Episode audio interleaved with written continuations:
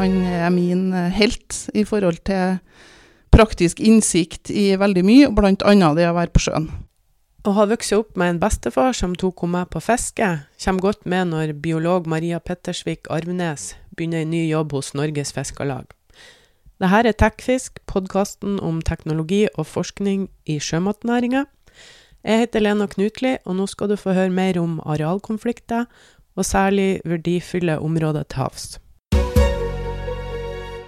Nå sitter vi i kontorlokalene til Norges Fiskarlag på Piren i Trondheim, der vi har eh, kontorene våre.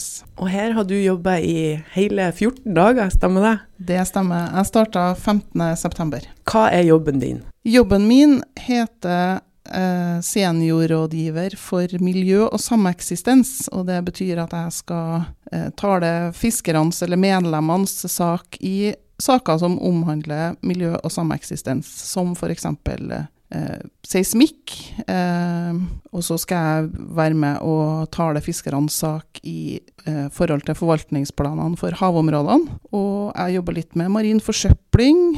Og nå har jeg akkurat fått en sak på høring som går på at Forsvaret ønsker å lage en ny forskrift for øvingsfeltene til sjøs, som de bruker når de Altså skytefelt til sjøs. Ja, Og du har altså bakgrunn som biolog, stemmer det? Det stemmer. Jeg er marinbiolog fra NTNU, eh, med hovedfag på bromerte flammehemmere i Arktis. Oi. Og så har jeg jobba lenge i Miljødirektoratet.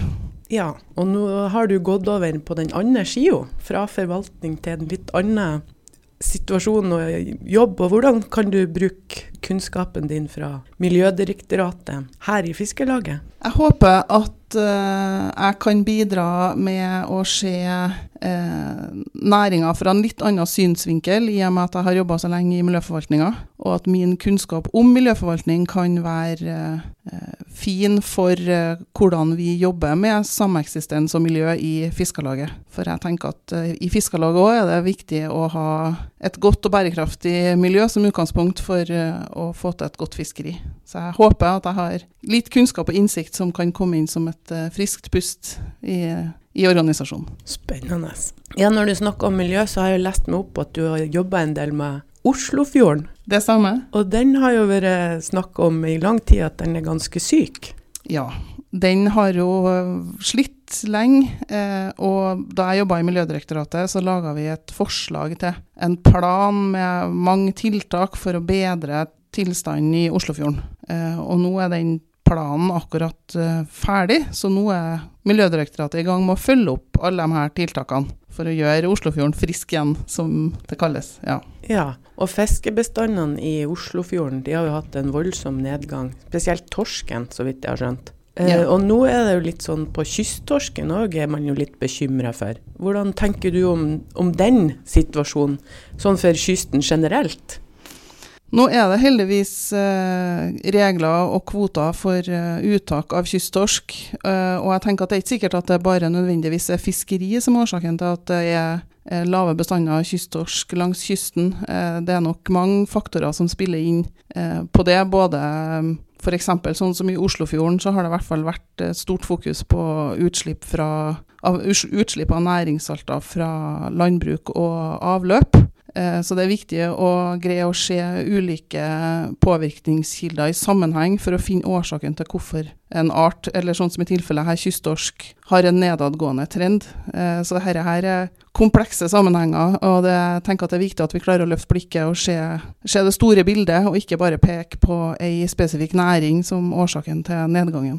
Hvordan, hvordan eh, ser du på sameksistensen når det kommer til arealkonflikter som kanskje kan komme til å oppstå nå framover når det er snakk om utbygging av havvind f.eks.?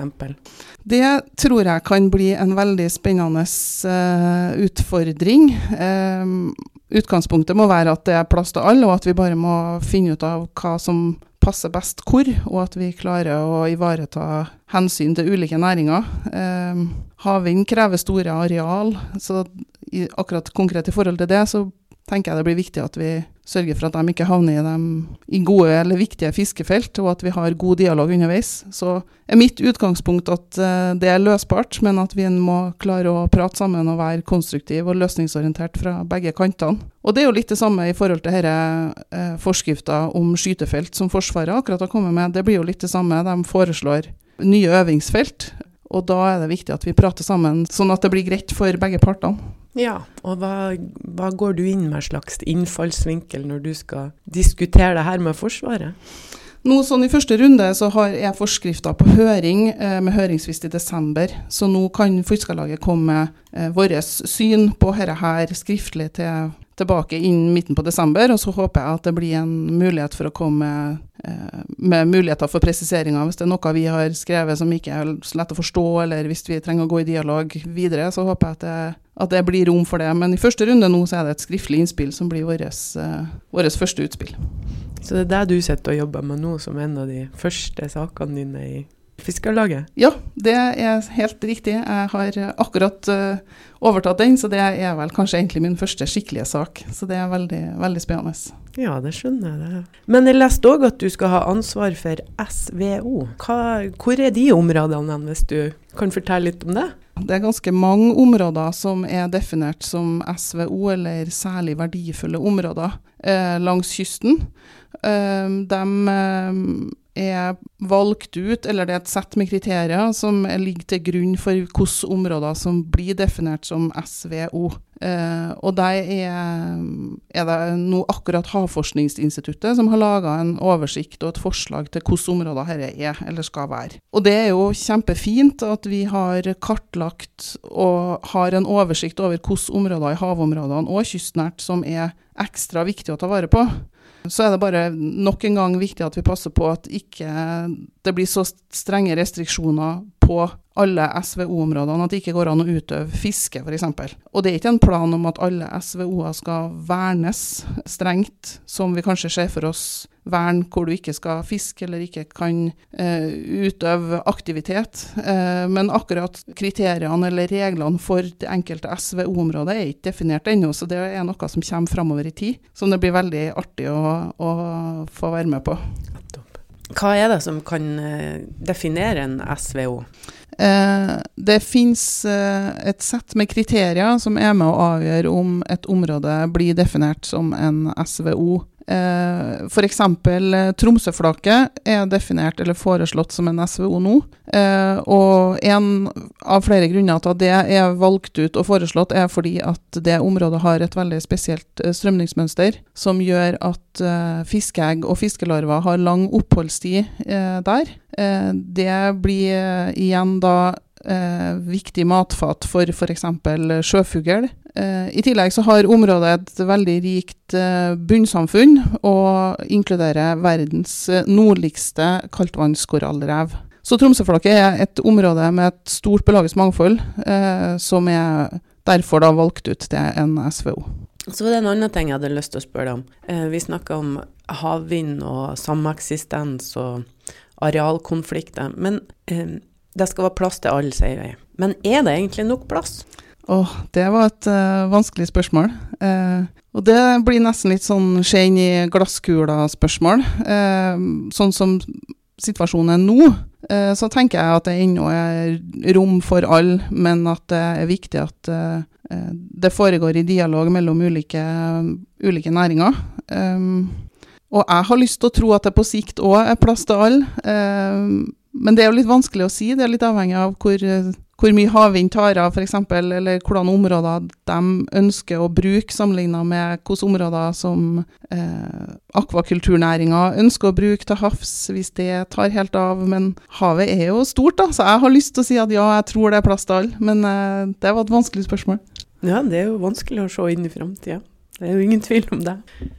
Og så har jeg lyst til å spørre om noe som eh, kanskje er litt mer personlig. For jeg leste at eh, du har vokst opp eh, med å være mye i sjarsken til bestefaren din. Kan du fortelle litt om det?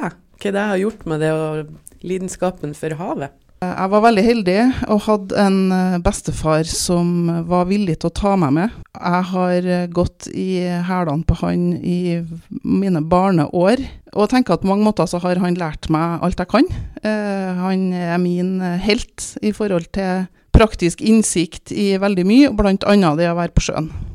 Han hadde en sjark som jeg fikk lov å være med i, så jeg har vært med han, og han har lært meg å lært meg meene, han har lært meg å fiske ur, han har lært meg å gjøre opp fisk, han har lært meg å egne lin. Og jeg tror at når du som barn uh, får mulighet til å være med inn i uh, de voksnes verden, men på barns premisser, uh, men samtidig få oppgaver og ansvar, så gjør det noe Det gjør noe med deg. Du får du får en tro på at du får til ting, eh, samtidig som at eh, du skjønner at det stilles krav til at det skal gjøres på en, viss måte.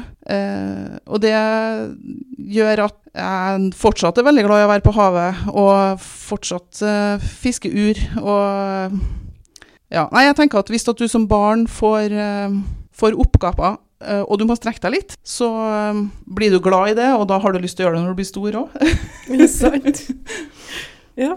Det hørtes så koselig ut, syns jeg, med den der sjarkbestefaren der. Ja, det var, det var helt fantastisk. Har vært, uh, jeg har vært kjempeheldig som har hatt en bestefar som uh, tok seg tid til å ta med et barn på sjøen. Og så var det et siste spørsmål her. Hvorfor syns du det er spennende å jobbe i Fiskarlaget? Eh, det er mange grunner til at jeg tenker det er spennende. Eh, Fiskarlaget har vært eh, et sted jeg har vært nysgjerrig på i noen år. Så når eh, stillinga ble lyst ut, så tenkte jeg at nå bøyde det seg en anledning til å prøve noe nytt. Eh, fiskeri er Ja, som sagt, jeg er jo veldig glad i å være på sjøen og opptatt av eh, fiske sånn for min egen del. Og fiskerinæringa er jo en næring med, med, mye aktivitet, og det er mye interesse og engasjement eh, omkring det. Eh, og så er det spennende å komme på innsida av ei næring og forstå den sida òg, ikke bare sitte i forvaltningsstolen. Eh, så det er, det er mange grunner til at jeg tenker at dette er en spennende arbeidsplass, i tillegg til at det er veldig trivelige folk her, som har tatt veldig godt imot meg, eh, og gitt meg oppgaver som jeg gleder meg til å jobbe videre med. Tusen takk, Maria, for at du tok deg tid til å snakke med Tekfisk. Sjøl takk. Du har nå hørt på Tekfisk, podkasten om teknologi og forskning i sjømatnæringa. Du kan abonnere på TechFusk på Spotify, i iTunes eller der du vanligvis hører på podkast. Vi høres!